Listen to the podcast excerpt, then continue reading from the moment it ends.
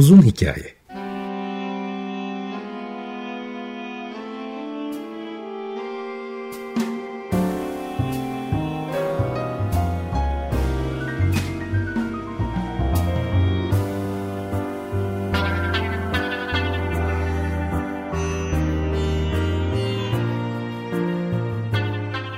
Hazırlayan ve sunan Muzaffer Çorlu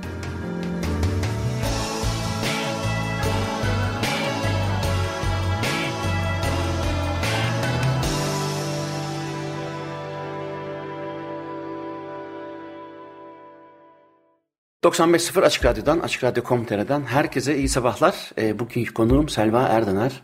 Selva Erdener hoş geldiniz programa. Hoş bulduk. Herkese iyi sabahlar diliyorum. E, şimdi e, hem bir yandan müzisyenliğinizi, sopranoluğunuzu e, biraz konuşalım. Sopranoluk üzerine özellikle sizin çağdaş müzik ile ilginizden e, bahsedelim. Hem de e, vokal yorumculuğu ya da soprano yorumculuğu ile ilgili hem e, bir tarihte şöyle kısaca bir geçeri çağdaş e, dönemi daha çok e, sevmenizi konuşuruz.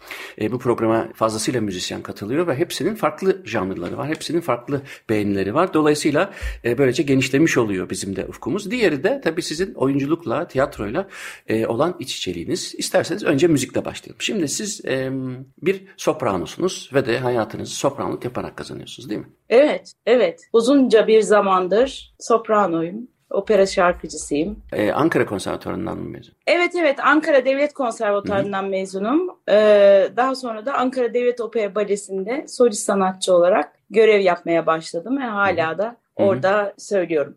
Şimdi siz daha çok işte çağdaş müzik denince e, çok yorum yapan bir kişisiniz bildiğim kadarıyla ve birlikte çalıştığınız sizle daha önceden de konuştuğumuz zaman da notlarını almıştım. Birlikte çalıştığınız oldukça fazla hem Türk hem Belçikalı hem Hollandalı yani Türk ve yabancı e, çok sayıda müzisyen var. E, şöyle başlayalım. Daha çok ağırlıklı olarak çağdaş müzik tercihinizin sebebi nedir? Çok eskilere dayanıyor. Öğrencilik yıllarıma dayanıyor bu fikir. Ben de her zaman bir yeni bir şey yapma hevesi ve isteği vardı. Ve bu istek e, öğrencilik yıllarımda böyle bir bir ders esnasında ben de hep öyle oluyor. Böyle anında yanı veriyor o lamba ve e, o, o yolda ilerlemeye başlıyorum. Bir derste e, bir hocamız Leyla Gencer'in neden Leyla Gencer olduğundan bahsediyordu ve onun hiç söylenmemiş eserleri İtalyan operalarını Donizetti'leri, Rossini'leri söylemesinin onun bugünkü kariyerine nasıl geldiğini ve nasıl onu yükseklere taşıdığından bahsetmişti ve o anda ben de hep bunu hatırlıyorum yani onun için bu programda söylemek istedim. Hı hı. Ben yeni ne yapabilirim, yeniyi nasıl e, oluşturabilirim gibi bir şey hatırlıyorum o zaman. E ama tabii uzunca bir zaman e, okul esnasında çağdaş müzik söyleyerek yani e, 20. yüzyıl bestecilerinin eserlerini söyleyerek başladı diyebilirim. O zaman işte e, 20. yüzyıl bestecilerinden Alban Berg, Weber, e, Türk bestecilerini tabii ki Saygun, e, Kamran İnce, Sıdıka Özel değil mi? Onları da... O, o, onlar daha sonra tabii ki 2000'li yıllarda Hı-hı. 21. yüzyıla denk geliyor onlarla yaptığım Hı-hı. çalışmalar. Ama ta öğrencilik yıllarıma gittiğimde e, bu bestecilerin e, eserlerini benim için yeni olan şeyleri çıkarmaya hep söylemeye hevesliydim. Hatta e, o dönemler Muhittin Dürrüoğlu ve Fazıl Say'la biz aynı dönemde okuduk. Onların mesela e, özellikle eşlik etmesini isterdim. Onlar da çok sevinerek yaparlardı. Muhittin'le mesela e, çalışmalarımızı hatırlıyorum. Yine böyle leadlere bakardık, söylerdik. Ve o dönem belki de ilk e, tohumları o dönem atıldı diye düşünüyorum. Tabii ki 2000'li yıllarda e, Turgay Erdener'in müziklerini söyleyerek e, sonrasında Kamran İnce, Sıdıka Özdil, sonra da yabancı besteciler Wim Hendrix gibi aslında pek çok besteciyle albümlerde de tabii ki Türk bestecilerinin yaşayan e, Türk bestecilerinin şarkılarını söylemeyi kendime böyle görev edinmiş e, olduğumu düşünüyorum inşallah. Sonrasında da bu e, yaptığım şeyin bir şekilde değerde anlaşılır diye düşünüyorum. Hı hı. Bahsettiğiniz Wim e, Hendrix bizim burada değil mi? Belçikalı bir beden. Evet evet Belçikalı. Kendisi Antwerp'te yaşıyor. Hı hı. Antwerp konservatuarında ve Amsterdam konservatuarında hocaydı. Hı hı. E, orada bir projede yer almıştım ben. Medea aslında tanınan, bilinen tabii ki bir eser mit e, eski Yunan tragediyası. E, onun yeni bir versiyonuydu. Metin de yeniydi. E, müzik de yeniydi. Reji de yeniydi. E, yepyeni bir şey yapmaya çalışmışlardı. 2011 yılı tabii 10 sene geçti üzerinden o eseri Hı hı. E, seslendirelim. Bir de De Groot vardı galiba değil mi? Hollandalı. Evet, evet o da Amsterdam Konservatuvarı'nda hem müzikolojide hem de bestecilikte hocaydı kendisi. Peki bu bestecilerle e, çalışma şansınız oluyor mu? Parti üzerinde e, yorumuyla ilgili. Mesela Tabii. daha önceki bir e, programda e, bir klasik gitarist konuk e, Ceren Baran. O da çağdaş eserleri seslendirmeyi tercih ediyordu. E, şimdi Fransa'da yaşıyor. Olan, onun cevabı şuydu. Ça- çağdaş eserler çalanlarla ilgili yani. E, ilk defa çağdaş eser seslendiren kişi olarak konuksunuz. Daha çok gitaristler, piyanistler varken. E, onlarda da birinci sırada şeyi duyuyorum. Hem evet yenilik tamam ama hemen akabinden de besteciyle çalışabilme şansını öne sürüyorlar. Sizde de öyle bir şey var mıydı? E, bir e, avantaj olarak görüyor musunuz? Ya ben çok şanslıydım. Tabii tabii çok şanslıyım ki Turgay Erdener'le beraberim. Yani onunla e, uzun yıllardır evliyiz. Hı. Ve aslında müzik hayatıma başlamadan önce, profesyonel anlamda başlamadan önce Turgay girdi hayat. Hı hı. Ve Turgay'ın girişiyle elbette bir besteciyle yaşamanın e, verdiği konfor diyeceğim bir müzisyen için.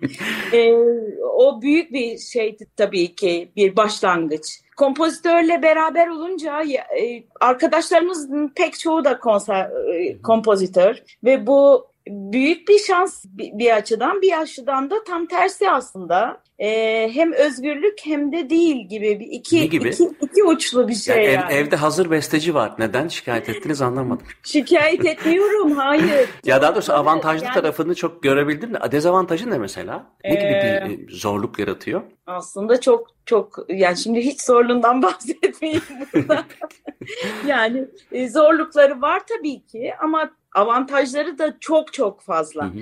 Ee, öyle olunca çok besteciyle arkadaş oldum ben. Ve onlardan hep nota istedim. Yani yeni şarkılarınız var mı? Yeni ne bestelediniz? Hatta hatta hala onun peşinde koşuyorum. Yani karşılaştığım, tanıştığım ya da arkadaşım olan tüm bestecilerden eser istiyorum. Hı hı. Ee, böyle bir müthiş bir şans tabii ki benim için. Hı hı hı.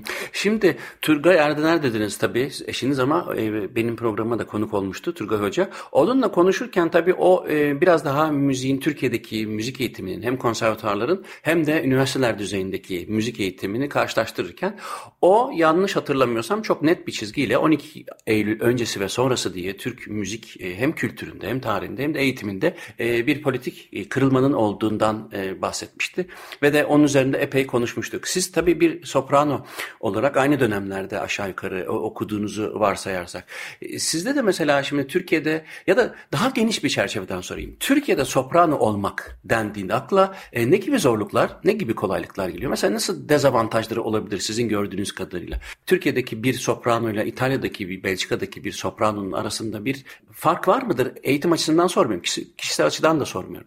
E, ülkenin, ülkenin sağladıkları, verdikleri açısından, zorlukları ya da kolaylıkları açısından soruyorum. Olmaz olur mu? Yani düşünün ki yüzyılları aşıp gelen bir e, sanat e, opera ve o yüzyıllar İtalya'da başlıyor. Almanya'da e, genişliyor, e, bütün Avrupa'ya yayılıyor ve yüzyıllar boyunca yapılıyor. Oysa ki bizim e, ülkemizde bu Cumhuriyet sonrasına denk geliyor ve neresinden bakarsanız bir 70-80 yıllık bir mazisi var. Kurumsal olarak söz ediyorum. Elbette ki Cumhuriyet'in ilk dönemlerinde e, ondan önce e, Osmanlı İmparatorluğu döneminde opera geldi Türkiye'ye ama e, sadece turne tiyatrosu olarak e, varlığını gösterdi. Ama asıl e, opera e, Cumhuriyet sonrasına denk geliyor. Çok kısa bir dönemde, çok kısa bir sürede bu yapılanma e, yapılmaya yani en iyisi yapılmaya çalışıldı. Fakat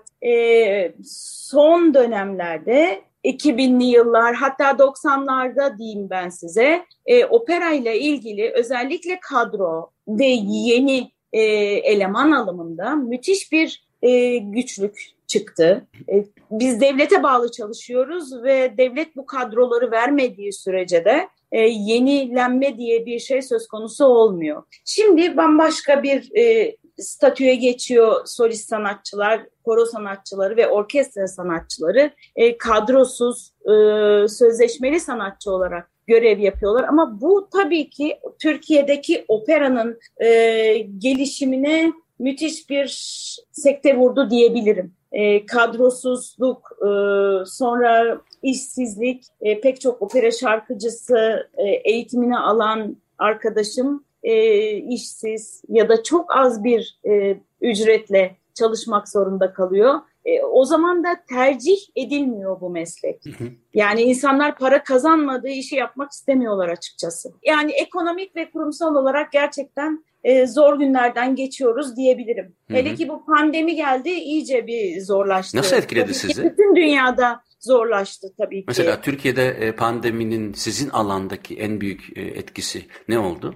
Sanatımızı yapamamak oldu. Yani Hı. biz e, neredeyse iki senedir bir prodüksiyon, sahne üzerinde bir prodüksiyon hazırlayamıyoruz. E, Çukur'da e, orkestra elemanları girmek istemiyor ve sahne üzerinde de yapılabilecek ancak bir e, konserler olabiliyor ve bu konserlerde yeterli değil elbette bir şancının, opera şarkıcısının performansını aynı seviyede tutmak için. Hı hı. Yani yetersiz kalıyor. E, bali sanatçıları için de aynı şey söz konusu. Hatta daha da korkunç yani. Onların kısa ömürlerinde bir kelebek kadar olduğunu düşünüyorum. Yani o kadar kısa zamanda e, çalışmak zorundalar ki düşünün ki 15 senelik bir balerin hayatından e, iki senesi gitti. Yani o açıdan da zorluklar e, son pandemide çok hissedildi.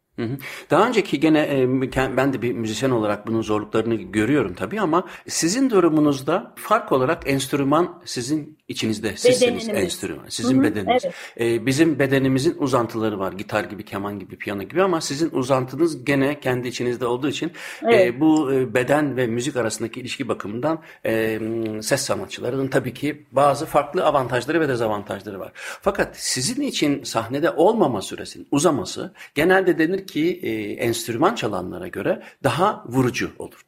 Katılır evet. mısınız buna ve neden siz de, neden öyle düşünüyorsunuz? Yani aslında enstrümancılar için de aynı şey söz konusu. Şancılar için de. E, ses telleri iki tane kas. Diğer kaslar gibi çalışıyorlar. E, belki onlar görünmüyor bedenimizin içinde ama onlar ne kadar egzersiz yaparsanız, ne kadar e, onları çalıştırırsanız size o kadar hizmet ediyorlar. Hı hı. İşte bunun için yani bedenine ne kadar iyi bakarsan, ne kadar onu performansa hazırlarsan o kadar iyi geri dönüşü oluyor. Şimdi o kas deyince aklıma geldi. Benim e, burada Belçika'da yaptığım nöromüzikoloji alanında yaptığım çalışmalardan bir tanesinde e, müzisyenlerin e, multitasking dediğimiz birden fazla görev verilerek performanslarının nasıl etkilendiğini ölçtük. Yani aynı zamanda çalarlarken bir yandan da göz ucuyla baktıkları ekrandan e, bir takım işlemleri yapmak zorunda kaldılar. Böylece e, onların zihinsel faaliyetleri e, ekrana konsantre olmuşken e, müziklerini kaydedip müzikal olarak ve ritmik olarak ne gibi bir şey ortaya çıktığını e, göstermeye çalıştık ve gördük ki gerçekten de müzisyenlerde e, aynı zamanda başka bir iş yapıldığında en çok etkilenen e, alan ritim ve e, yani yanlış nota basmak değil e, fakat ritimleri etkileniyor. Ama hangi yönde etkileniyor? Müzikal olurken daha serbest, daha rubatolu bir e, çalma biçimi söz konusuyken başka bir görev geldiğinde müzisyenler daha metronomik çalmak zorunda kalıyorlar. Çünkü e, onu otopilota bağlayıp yani yorumlarını otopilota bağlayıp diğer işi yapıyorlar. Fakat sonra fark ettik ki özellikle opera e, şancılar, sopranolar, tenorlar başta olmak üzere en az etkilenenler. Yani onlara bir görev daha verdiğimizde diğer enstrümancılardan farklı olarak daha iyi yani ikinci bir görev olmadığı zamanki kadar iyi yorum yapabiliyorlar. O ritmik ve tempo değişikliklerinin daha az olduğunu gördük. Sonra ben araştırdım. Meğer çok araştırma yapılmış gerçekten de. Çoklu görevde en iyi olanlar opera sanatçıları. Onlar arasında en iyi olanların soprano olduğu bulunmuş. Şimdi ben buradan e, bunu yakalayınca e, ikinci deney dedim ki o zaman ben bir deney daha yapacağım. Sadece işte opera sanatçılarını ve ağırlıklı olarak sopranoları e, alacağım takıma ki ve o da yayınlandı. E, multitasking, e, cognitive load diye ararsa insanlar bulabilirler bu çalışmaları. Makaleler yayınlandı. Fakat orada hep tabii benim gıpta ettiğim bir şey oldu. Niye acaba özellikle sopranolar e, birden fazla işi aynı zamanda yapabiliyorlar diye onun da araştırılması yapılmış. Şimdi onu size soracağım. Muhtemelen katılacaksınızdır. Çünkü sopranlarda başta olmak üzere opera sanatçıları aslında bir yandan sahnede oyun oynuyorlar. Yani teatral bir oyunları var. Ya bir bu yandan. benim acayip son yıllarda e, üzerinde çok düşündüğüm şeyi anlatıyorsunuz. Çok heyecanlı. O zaman e, şey benim e, internette var. E, bu çalışmalar yayınlandı. Ay, E, benim adımla bulabilirsiniz. E, cognitive load diyoruz biz ona. Yani bilişsel yük. Aynı anda birden fazla iş yapıldığında. E, neyse onun sonuçlarında tabii e, sopranoların bu kadar avantajlı olması e, çok büyük ihtimalle onların eğitiminde ve de yaptıkları e, işle ilgili olarak mecburen birden fazla işe hazırlıklı olmak zorunda kalıştır. Yani işte dediğim gibi bir yandan bir draması var sahnede. E, bir yandan işte orkestra şefini kontrol etmek zorunda. E, bir yandan e, altta çalan bir orkestra var eğer operadan bahsediyorsak. E, bir yandan işte e, diğer rol yani düğü, düyolar, triyolar havada uçuşuyor. Yani bir gitarist için düğü çalmak özel bir çalışmayken bir soprano herhangi bir operada zaten düyosu var, triyosu var vesaire vesaire. Dolayısıyla Bir yandan Ee, sahneden kedi geçiyor. bir yandan sahneden ben hatta hatırlıyorum İstanbul Devlet Senfoni Orkestrası'nda Carmen'i Çok geçti yani. Kedi bir şey değil. Ben e, Carmen Tefi fırlattı soprano baş kafasına. Babasına. Ay. Oradan yay fırladı falan fakat hiç bozmadı kendini. Yani İstanbul'da olmuş ama bir 30 sene önce falan. Dolayısıyla sizin işinizde yani bunu biz bilimsel olarak da göstermiş de olduk. Çok ciddi bir e, bilişsel yük var. Bu tabii eğitimle birlikte başlıyor. Ama bir yandan da bunun tam tersini gösteren bir şey var. O da sizin eğitiminiz diğerlerinden en sonra başlayan, sesinizin oturmasından sonra başlayan bir süreç. Geç. Eğer eğer özel bir işte em, kontrtenor ki o da 17. yüzyıllarda oluyordu. Artık günümüzde teknikle yapılıyor ama bu kadar geç başlanmasına rağmen bunu neye bağlıyorsunuz? Siz ne bileyim hadi 15 diyelim. E, belli bir yaştan sonra ses eğitimine başlamanıza rağmen oyunculuktan işte geçen kedilere, orkestra şefinden e, diyolara, kuartetlere konsantre olabiliyorsunuz. Ben şimdi çok gıp gıpta ettiğim için soruyorum. Nasıl oluyor? Bu değirmenin suyu nereden geliyor? Onu merak ediyorum. Ya ben de çok merak ediyorum. En merak ettiğim işte soru bu. Ee, ben e, opera sahnesinde olmanın ya, eğitimde başlıyor ama eğitimde o kadar hissedilmiyor. A, Opera sahnesine çıktığınız zaman bütün o bileşenlerle aynı anda karşı karşıya geliyorsunuz. İşte o savaşı kazananlar e, sopranolar oluyor. Hı hı hı. Gerçekten savaşın kazananı. Yani Evet. özellikle solist e, başrol e, prima parti söylüyorsanız e, müthiş bütün bunların e, bütün hakimiyeti sahnedeki tüm hakimiyet sizin elinizde olmak zorunda. Yoksa o sahnede yok olursunuz. Hı hı. Var olma biçimimiz bu. Yani ancak böyle var olabiliyoruz. Tüm onları yapabiliyorsan var olabiliyorsun.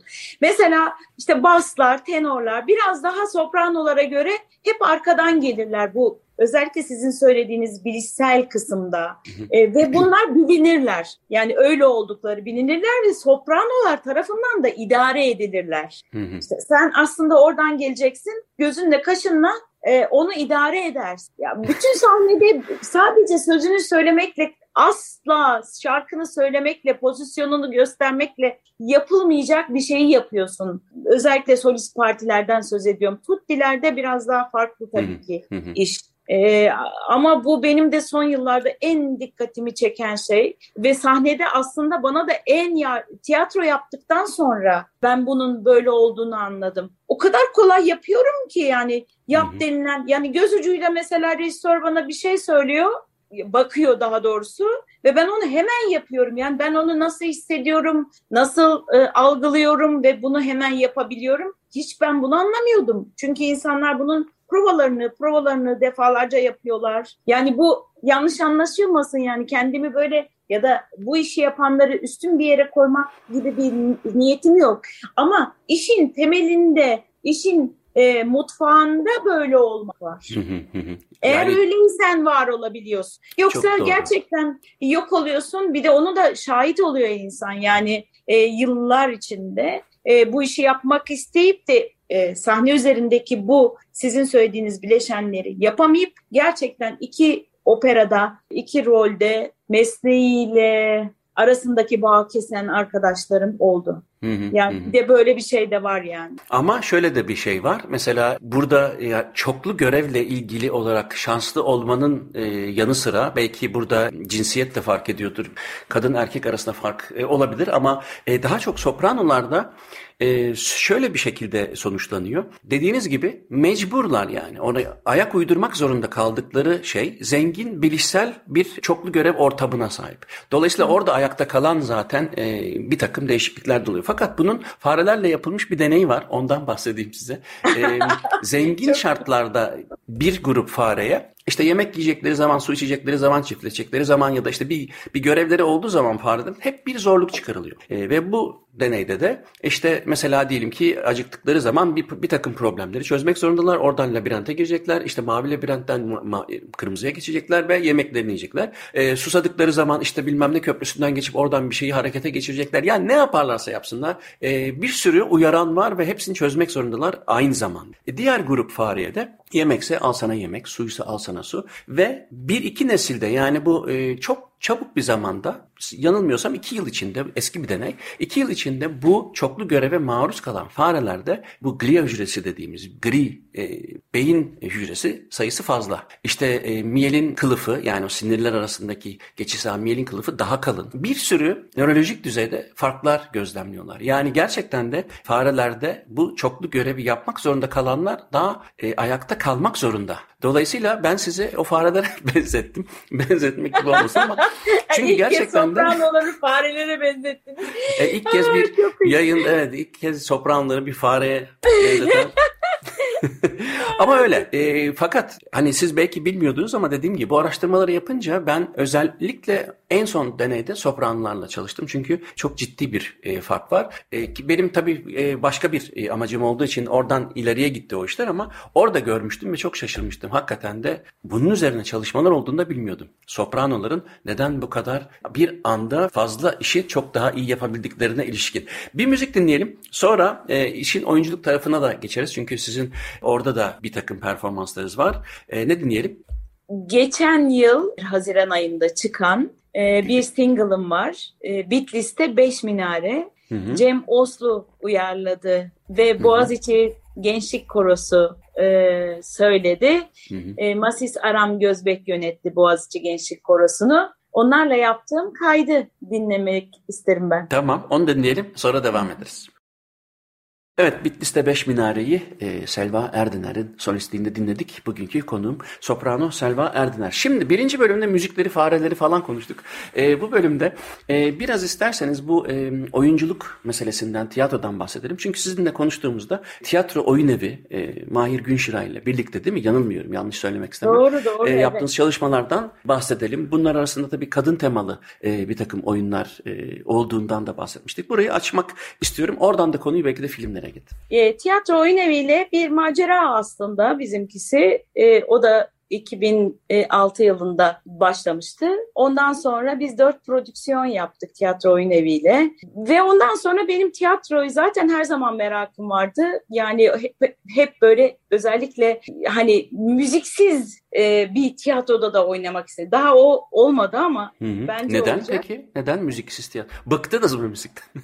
ya hayır yani e, oyunculuğumu böyle daha böyle yoğun bir şekilde yaşamak Hı-hı. istiyorum. Hı-hı. Onun için. E, ama hep şarkı söyledim tabii oyunlarda ve keyfini aldım yani benim çok hoşuma gitti oyunculuk. E, operada da tabii ki yani işte dediğiniz gibi e, pek çok şeyle beraber oynamak da var elbette. Hı hı. Ondan sonra da tiyatro Tobav'la Can Kırıkları oyununu oynadık. Şirin Aktemur yazmıştı. O rolde benim çok hoşuma gitmişti. Kendi hayatımızdan kesitler e, oynadık sahne üzerinde. Ondan sonra bir eser daha yapacaktık ama onu maalesef yapamadık. Şimdi İbrahim Yazıcı'nın Kadınım adlı yine böyle metinli e, bir eserinde yer alacağım. E, orkestra eşliğinde söyleyeceğim. Hı hı. Böyle yani oyunlarla ilgili e, bir m, hayalim var. O hayali de gerçekleştirmek istiyorum. Hı hı. E, kadın temalı olmasının bir sebebi var mı? Öyle bir tesadüf mü?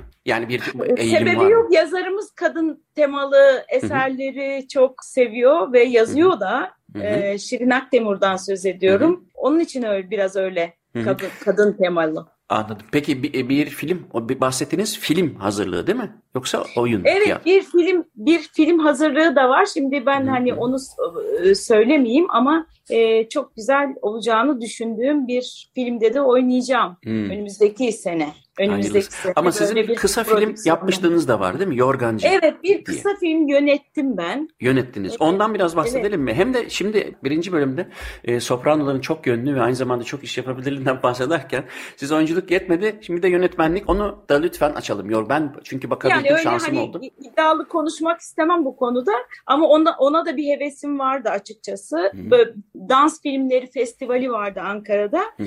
ve m, benim bir arkadaşım Şafak Türkel, o da kendisi çok erken kaybettik maalesef. Selva bu festival için e, bir film e, yapar mısın demişti. Ben de çok sevinerek yaparım demiştim. O onun da yardımlarıyla e, yani prodüksiyona çok yardımcı oldu Şafak. Bir dans filmi yaptım. O da böyle beş dakikalık yine kısa. Aslında konu yorgandı, yorgancıydı.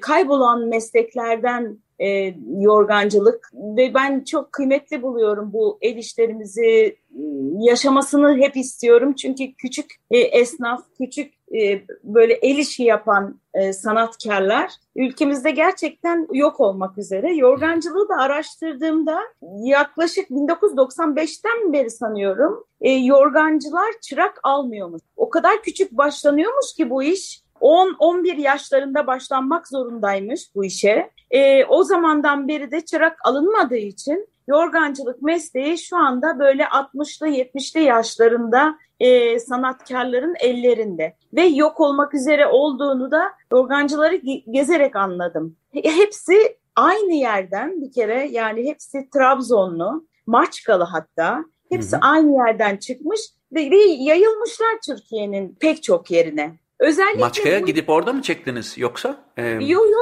Ankara'da çektim. Hı. Ankara'da bir yorgancıda çektim bu filmi. E, yorganlardan böyle bir dekor oluşturmuştu zaten kendisi yorgancının. E, bir de şununla birleştirdim. Türkiye'de yine kıymeti bilinmeyen böyle yok olmaya yüz tutmuş şeylerden biri de köçeklik. Yani erkek göbek dansçıları diyeyim. Anadolu'da hala yaygın bir şekilde e, düğünlerde ya da böyle erkek toplantılarında e, yapılıyor ama sanki yokmuş gibi. İşte o iki dansı e, erkek dansçısıyla yorgancının yok oluşunun aslında bir varoluşu gibi bir filmdi. Hı hı. E, hala var mı e, köşekler Anadolu'da? Var var. İç Anadolu'da özellikle böyle bir gelenek hala devam ediyor. Ben köçekler. bunun e, hala yaşadığını bilmiyorum. Hatta çok ilgimi ha. çeker. E, çünkü biraz da şeye de yani e, tarihini de bilmiyorum. Hem araştırıp keşke öyle bir konuğum da olsa. Çünkü e, biraz e, yok olan meslekler açısından çok yazık oluyor ama bir yandan da şimdi dansı müziği ilgilendiren bir konu olduğu için benim de özellikle ilgimi çekti ama sadece haberim var ama devam ettiğini bilmiyordum. Neden peki? YouTube'da Yorgancılığı şey açısından anlayabiliyorum. Yorgan yani günümüz endüstrisine yenik düşebilir maalesef. Yani süpermarketin bakkalı yenişi gibi belki. Ama Tek köçekler neden diyorlar. yok oluyor ya da o sanat yok oluyor? Yorgancılığı bir yere kadar anlamak mümkün ekonomik açıdan ama. Yani bence bu kıymetlerimizin hepsi yok oluyor. Sadece bu dansla sınırlandıramayız. Yani bunun onun kıymetini nasıl veriliyor biliyor musunuz? Ancak bir batılı işte gelip eğer o dansın koreografisini yaparsa ve sahneye taşırsa ve Hollanda'da olursa bu mesela. Yaptıralım o zaman. Hemen.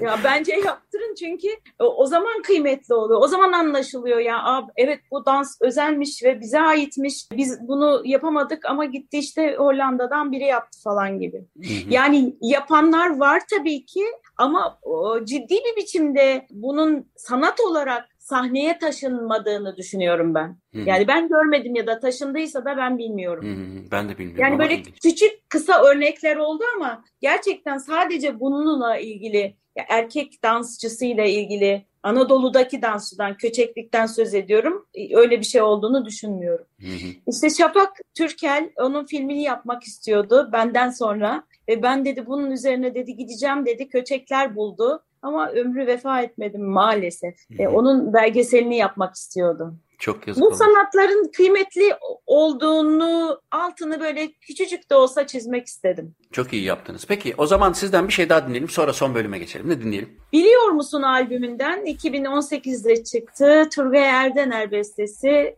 Biliyor musun? Tamam. Yer çekimli karanfil.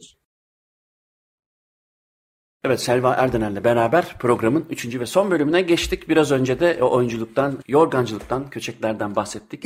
Biliyor musunuz dinledik. Şimdi son bölüme gelelim. Türkiye'de dedik ki e, hakikaten bazı zorluklar var. Avantajlar, dezavantajlar yetmiyormuş gibi. Üzerine bir de pandemi. E, dolayısıyla işler birazcık zor gitti. Fakat şimdi gördüğüm kadarıyla pandemi geçiyor. Sahneler açılıyor mu Türkiye'de? Nasıl yeni sezona nasıl giriyorsunuz? Yani pandemi koşullarından yavaş yavaş çıkıyor herhalde Türkiye ya da sizin en azından alanınız öyle mi?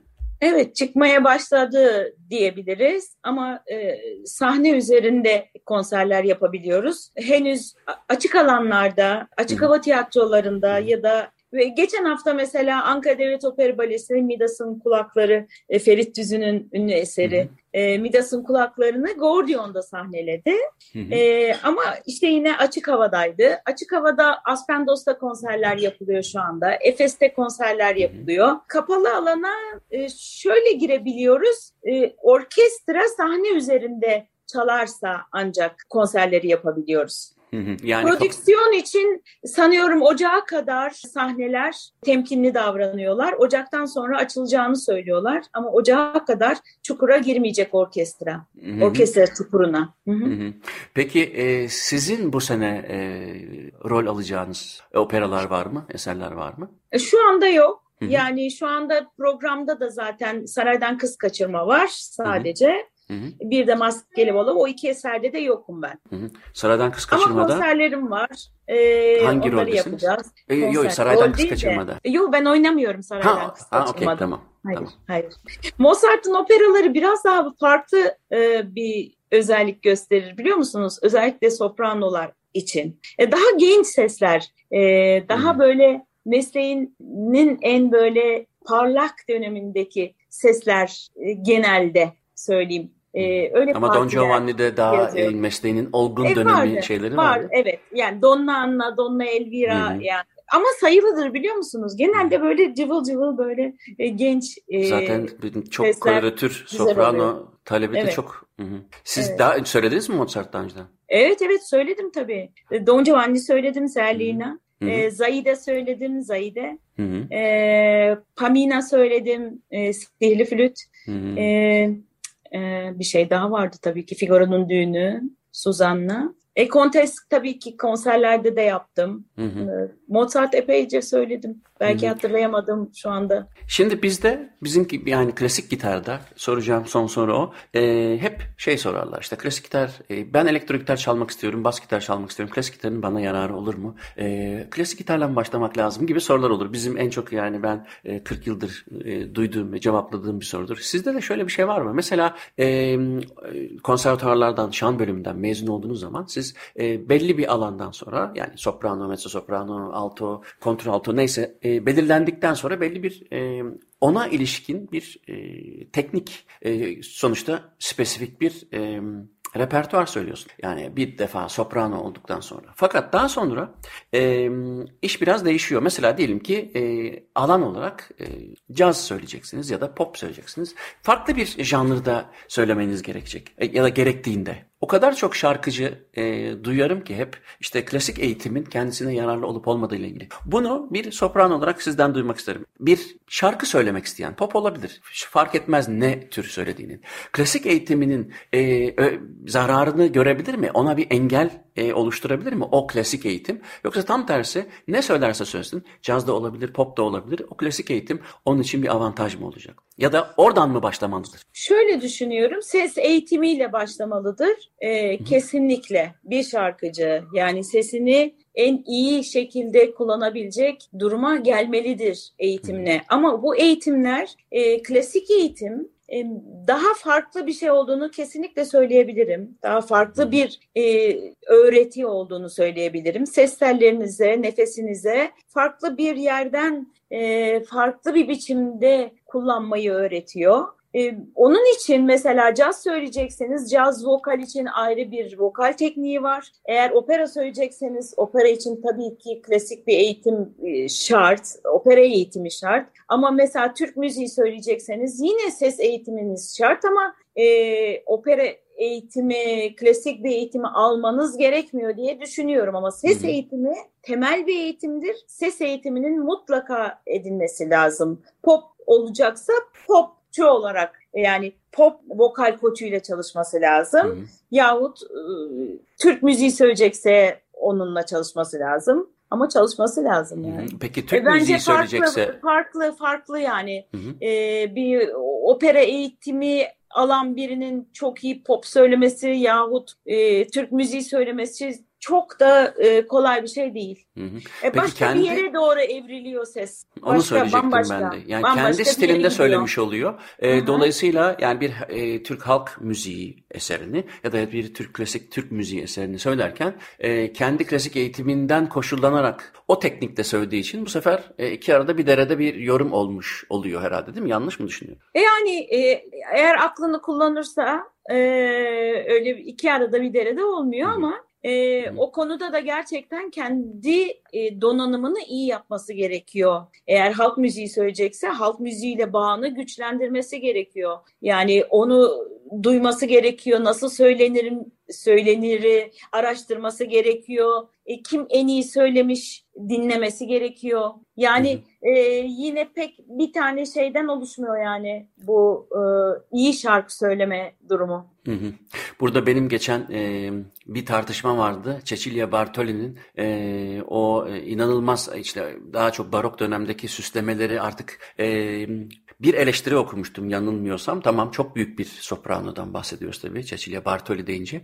Fakat e, epey bir eleştiriliyordu. Çünkü e, o e, üslubu diğer janrlara da yani e, sadece işte 18. yüzyılda Vivaldi yorumlarını neredeyse Mozart'ı da taşındığını falan e, ben de dinledim. Evet yani ne zaman ki bir 18. yüzyıl e, eseri dinlesem Bartoli'den tamam süslemeleri çok ilginç tabii çok enteresan bir tekniği var. Ama e, o e, her tarafa yayıldı yani. O, yani mi? evet yani diye yani okudum. Son dönemde katılabiliyorum ama şarkıcılıkta bence çok spesifikleşti her şey. Yani çok böyle kalıplar oluştu. Hı-hı. Yani Vivaldi nasıl söylenir? dışına artık çok çıkılamıyor. E, e, bunu da yayman mümkün değil. Diğer şeyleri de Vivaldi gibi yapman. Yani yahut işte e, türkü gibi yap. Aynı şey yani. Anlatabiliyor Hı-hı. muyum? Yani o tarzlar aslında benim hoşuma gidiyor bu bir şarkıcının da böyle her şeyi ben söylerim, onu da söylerim, bunu da söylerim gibi bir şey çok olmaması gerektiğini düşünüyorum. Yani son 20 yıldır kendi adıma e, Türk müziği söyleyerek ve kendi yani klasik Türk müziği söyleyerek, çağdaş Türk müziği söyleyerek bunu oluşturmaya çalıştım. E, çalışıyorum hala da. Yani nasıl söylenmeli, Türkçe nasıl konuşulmalı, Türkçe vokallerle nasıl şarkı söylenirin altını çizmeye çalışıyorum. Peki Türkçe vokallerde e, bir prozadik anlamda soruyorum. Bir zorluk var mı? Mesela eskiden vardı hala var mı? Bazı operaların e, Türkçesi seslendirilir. Ben evet. 10-15 sene öncesinden hatırlıyorum. Şu anda yok öyle yani. O zaman prozodi çok de, durumu çok değiştiriyordu. Çünkü sonuçta e, librettoya bağlı kalınarak yapılan e, düzenlemelerde e, işte müziğin e, hem ritmine hem de duygusuna bağlı olarak özel kelimeler seçiliyordu. E, evet. Prozodi dediğimiz. Ama Türkçe'ye çevrildiğinde bu çok çok zorlanıyordu. Ben en son hatırlıyorum çok belki oldu ama İstanbul Devlet Opera Barası'nda Don Giovanni çok canımı sıkmıştı. Çünkü yani e, sözlerinden kaldı ki o zaman e, Suat Arık Kan oynuyordu. E, Laparello'yu. E, onunla da çıkışta yanlış hatırlamıyorsam o da şey demiş yani zorluyor. Yani e, fakat bir yandan da e, operanın sonuçta hikayesini e, şarkıcılardan, şancılardan dinlemiyoruz. O operanın hikayesini bilmek, biraz bilmek lazım ki e, şarkıya daha çok bir hazırlık olur. gerektiriyor e, operaya gitmek. E tabii bir şimdi yani ben bir Figaro'nun düğününde e, şimdi siz hani bir operaya gittiniz ve Türkçe olarak dinlediniz e, orijinal dilinde değil. Ben de şunu söylemek istiyorum. Türkçe eserleri de mesela benim hani e, söylediğim şarkıları e, opera şarkıcıları bir dönemde e, özellikle Alman vokaliyle e, İtalyan vokaliyle aldığı eğitimin vokaliyle söylüyordu. Ben de bunu bunu doğru bulmuyordum. Yani e, eğer Türkçe bir şey söylüyorsan da kendi vokalini e, güzel konuşmak gerekiyor. Aldığım eğitimdeki İtalyan vokalini, Alman vokalini e, oraya taşımak o e, lead, e, o şarkıyla aranda bir seyirci dinleyici arasında bir mesafe oluşturuyor. O mesafeyi kat etmeniz mümkün değil biliyor musunuz? Oraya hiç kimse gelmiyor. Yani o vokalle duyduğu e, sese kimse inanmıyor. Yani Çünkü Sözlerin halk, anlamını bozan bir duruma evet, yol açıyor. Evet yani evet aynen. Zaten Sözlerin anlamını yani sözün ne dediğini dinlemek istiyor dinleyen. Hı hı. Çünkü e, o, onun kalbine dokunan şey, onun gönlüne dokunan şey o sözün varlığı. O sözü duymadığı zaman, anlamadığı zaman hı hı. E, bir siz a, bir ayo gibi a yaparsanız o zaman işte o zaman e, yani uzaklık olmuş oluyor dinleyenle aranızda. Hı hı. Ben o uzaklığı yakınlaştırmaya çalıştıranlardanım. Çok güzel bir öyle tekerleme gibi konuştum. Peki o zaman bu şekilde de bitirelim. Ee, çok teşekkür ederim katıldığınız için. Hakikaten bugün oyunculuktan sopranoya, e, sopranoluğa, yorgancılıktan e, köçeklere, farelere kadar e, güzel bir sohbet olduğunu düşünüyorum. çok da şey öğrendim. Teşekkür ederim katıldığınız için. Ben de öyle. Çok çok teşekkür ederim. E, bugün dediğim gibi Soprano Selva Erdener'le birlikte sohbet ettik. Bana ulaşmak için Muzaffer Corlu Gmail adresine yazabilirsiniz. E, bu programın tekrarını Açık Radyo Spotify'a ben de YouTube kanalıma canlı olarak, görüntülü olarak koyacağım. Haftaya görüşürüz. Hepinize günaydın.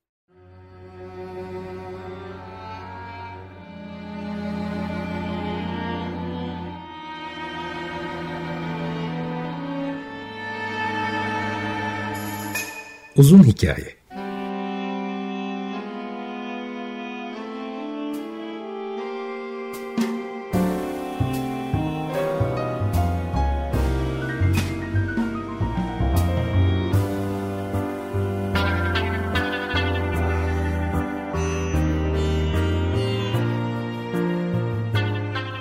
Hazırlayan ve sunan Muzaffer Çorlu